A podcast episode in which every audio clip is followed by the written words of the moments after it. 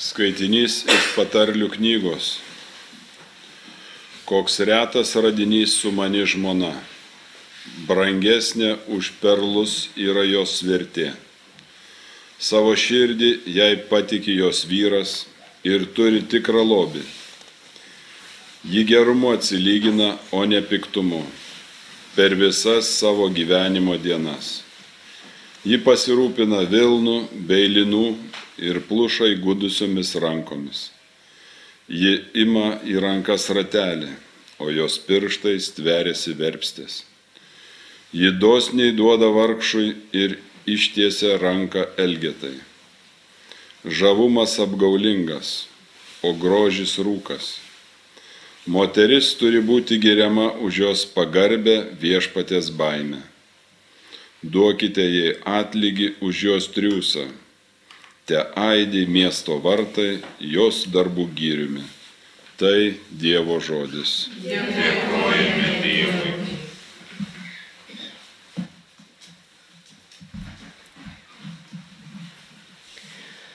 Laimingi, kurie pagarbiai viešpaties bijo. Laimingi, kurie pagarbiai viešpaties bijo. Laimingas, kuris pagarbiai viešpaties bijo ir laikosi jo kelio savo triūso vaisiais maitins jas, laimę ir sėkmę patirsi. Laimingi, kurie pagarbiai viešpaties bijo. Tavo žmona bus kaip vienmedis vaisingas namų žydinyje sulapojęs, o vaikai lyg vienmedžio atžalos aplink tavo stalą. Laimingi, kurie pagarbiai viešpaties bijo tai bus palaimintas vyras, kuris pagarbiai viešpaties bijo. Te laimina viešpats tave iš Zijonų, Jeruzalės klestėjimą patirki, kiekvieną savo gyvenimo dieną. Laimingi, viešpaties bijo.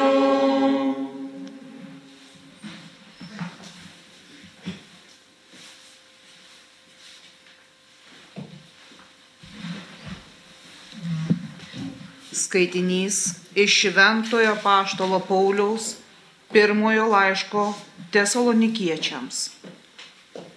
Dėl ko ir valandos, ir broliai, ir seserys nėra reikalo jums rašyti. Jūs patys gerai žinote, kad viešpatės diena užklups lik vagis naktį, kai žmonės kalbės, gyvename ramiai ir saugiai. Tada juos ir štiks netikėtas žlugimas, tarytum gimdymo skausmai nešia moterį ir jie niekur nepabėgs. Betgi jūs, broliai ir seseris, neskendinkite tamsoje, kad toji diena jūs užkluptų lik vagis. Juk jūs visi esate šviesos vaikai, dienos vaikai. Mes nepriklausome nakčiai, ni tamsai. Todėl nemiegokime kaip kiti, bet būdėkime ir būkime blaivus.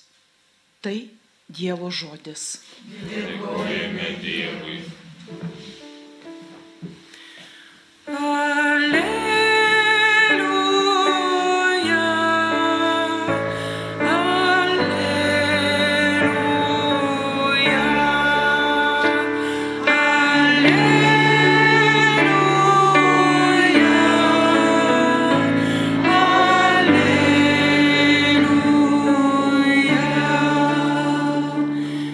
pasilikite manyje, tai ir aš jumise pasiliksiu, sako viešpats, kas pasilieka.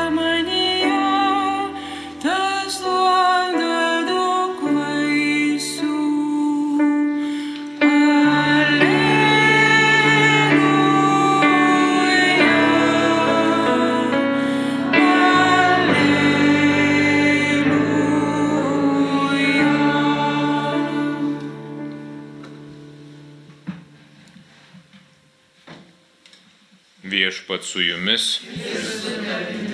Iš Ventosios Evangelijos pagal Matą.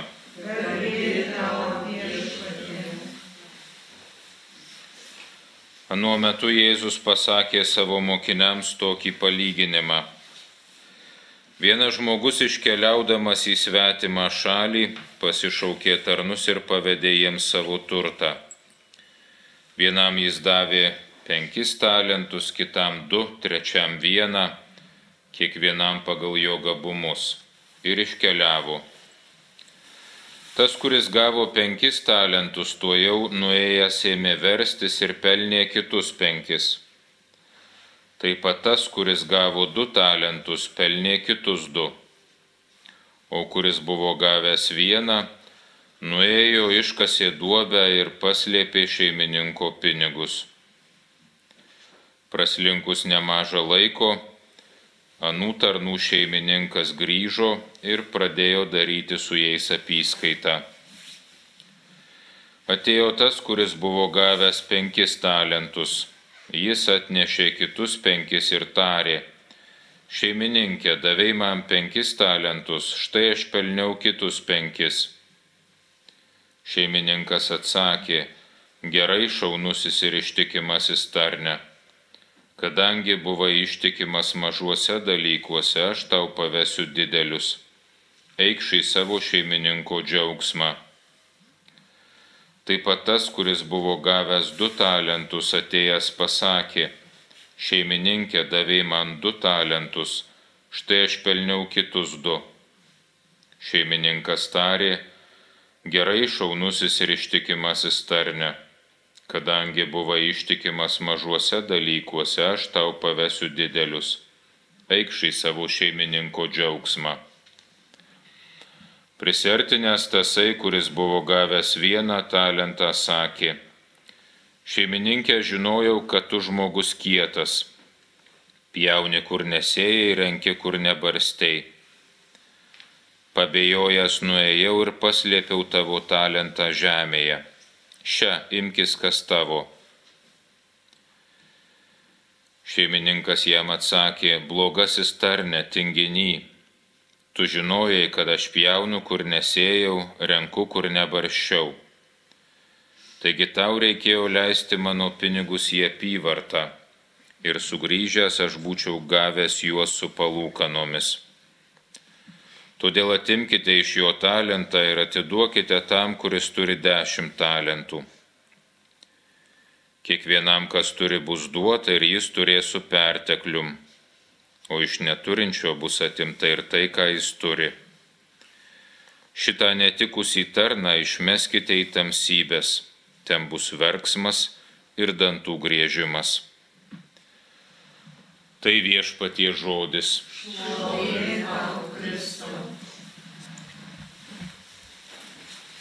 Broliai seserys, Evangelija šiandien viena iš tų, kurios pasakoja apie vadinamosius eschatologinius, tai yra paskutiniuosius dalykus, apie pasaulio pabaigą, Kristaus sugrįžimą ir būtinybę jo laukti ir tinkamai jį sutikti. Todėl pirmiausia, norisi ir atkreipti dėmesį į patį Kristų nes laukti ir būdėti turime tik dėl to, kad tikime jį sugrįžt, sugrįšiant. Girdėtame Jėzaus palyginime sakoma, kad vienas žmogus iškeliaudamas padalijo turtą tarnams, o grįžęs šeimininkas pradėjo daryti apyskaitą. Būtent taip sakoma iškeliavo vienas žmogus, grįžo šeimininkas arba viešpats, kaip galėtume tą graikišką žodį kiurijos versti ir kaip normaliais liturgijoje verčiamas. Ir tai jau šiokia tokia žinia. Kristus iš tiesų iš šio pasaulio iškeliavo kaip žmogus. Buvo nužudytas kaip žmogus, netgi kaip nusikaltėlis, bet grįž jis kaip viešpats.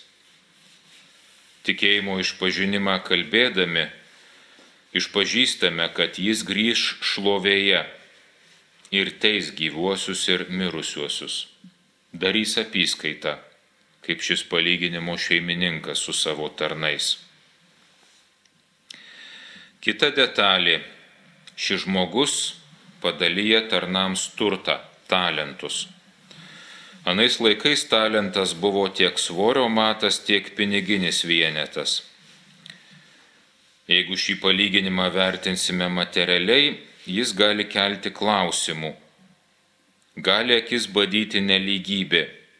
Kodėl vieniems paliko daugiau, kitiems mažiau? Gali kilti klausimas, kodėl trečiasis tarnas pasmerktas. Na taip, neleido jis pinigų į apyvartą, bet juk jų ir neišvaisti. Kiek yra tokių, kurie pinigus vėjais paleidžia, kurie skolų visai negražina, o šis bent jau atidavė, ką buvo gavęs. Kirba ir psichologiniai klausimai. Ar teisinga pasmerkti tarną, kuris pri, prisipažįsta, kad tiesiog bijojo? Juk visi ko nors bijom ir savo baimėse tikimės užuojautos, nepasmerkimo. Žmogui baimės regis reiktų padėti nugalėti, jį padrasinti. Tuo tarpu palyginimo šeimininkas atrodo tai, e, į tai ne tik, kad neatsižvelgia ir vargšo tarno neužjaučia, bet dar tas baimės padidina tarna užsipuldamas ir išplūsdamas, išvadindamas tinginiu ir blogu tarnu. Tačiau supraskim, kad Jėzus čia ne apie pinigus kalba ir ne apie psichologinės baimės. Jis kalba apie dvasinius dalykus. Neveltui šiandienėse kalbose, ne tik lietuvių, bet beveik visose kalbose turbūt Žodis talentas tapęs dvasinių turtų sielos gabumų sinonimu. Žmonės supranta, kad dvasinės galės reikia naudoti, kitaip jos nunyksta.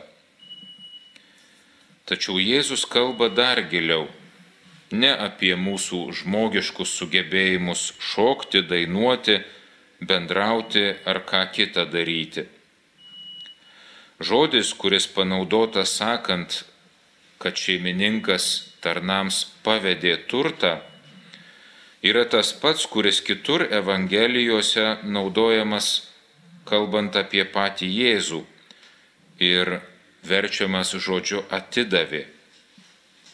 Štai Jėzus, kalbėdamas mokiniams apie savo būsimą išdavimą, sako, žmogaus sūnus bus atiduotas į žmonių rankas.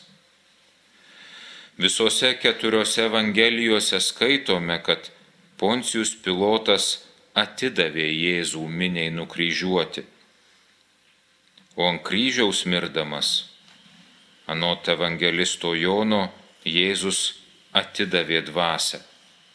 Tai vis tas pats žodis Todėl ir šiandienėme palyginime tas turtas, kurį tarnams šeimininkas paveda arba atiduoda, reiškia patį Kristų, jo dievišką gyvybę ir jo šventąją dvasę.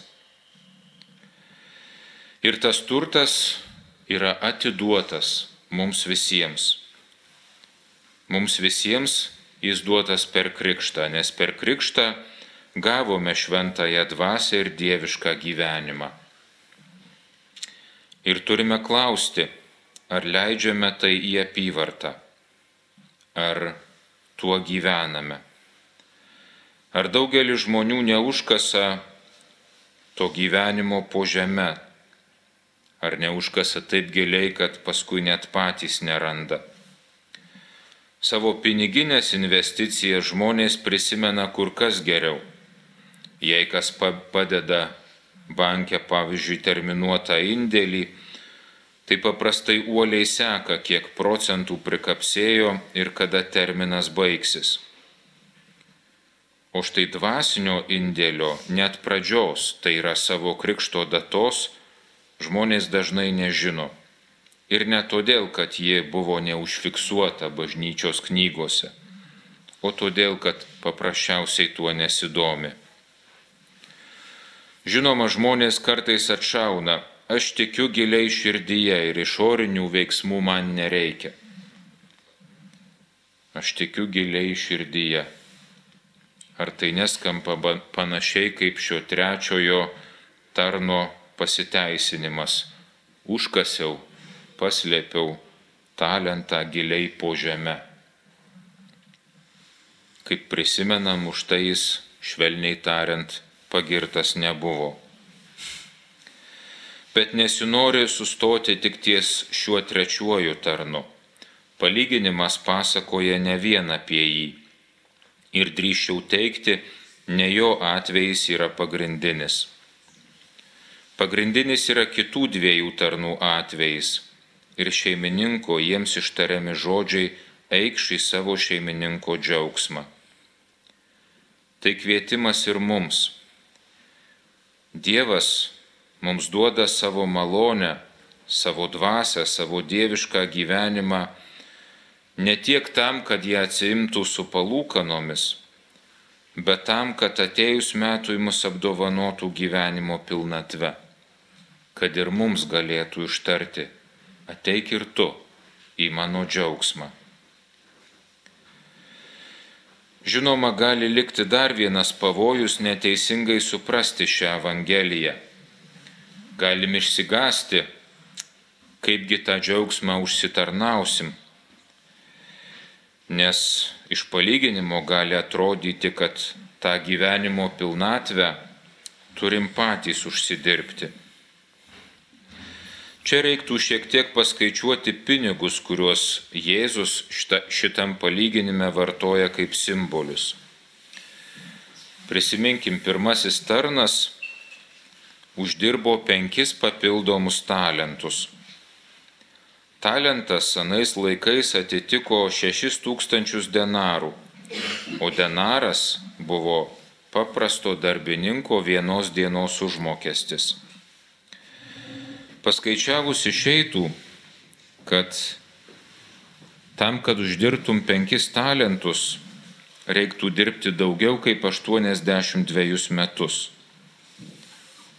Anais laikais dauguma žmonių tiek negyvendavo, gyvenimo trukmė tikrai būdavo kur kas trumpesnė negu mūsų laikais.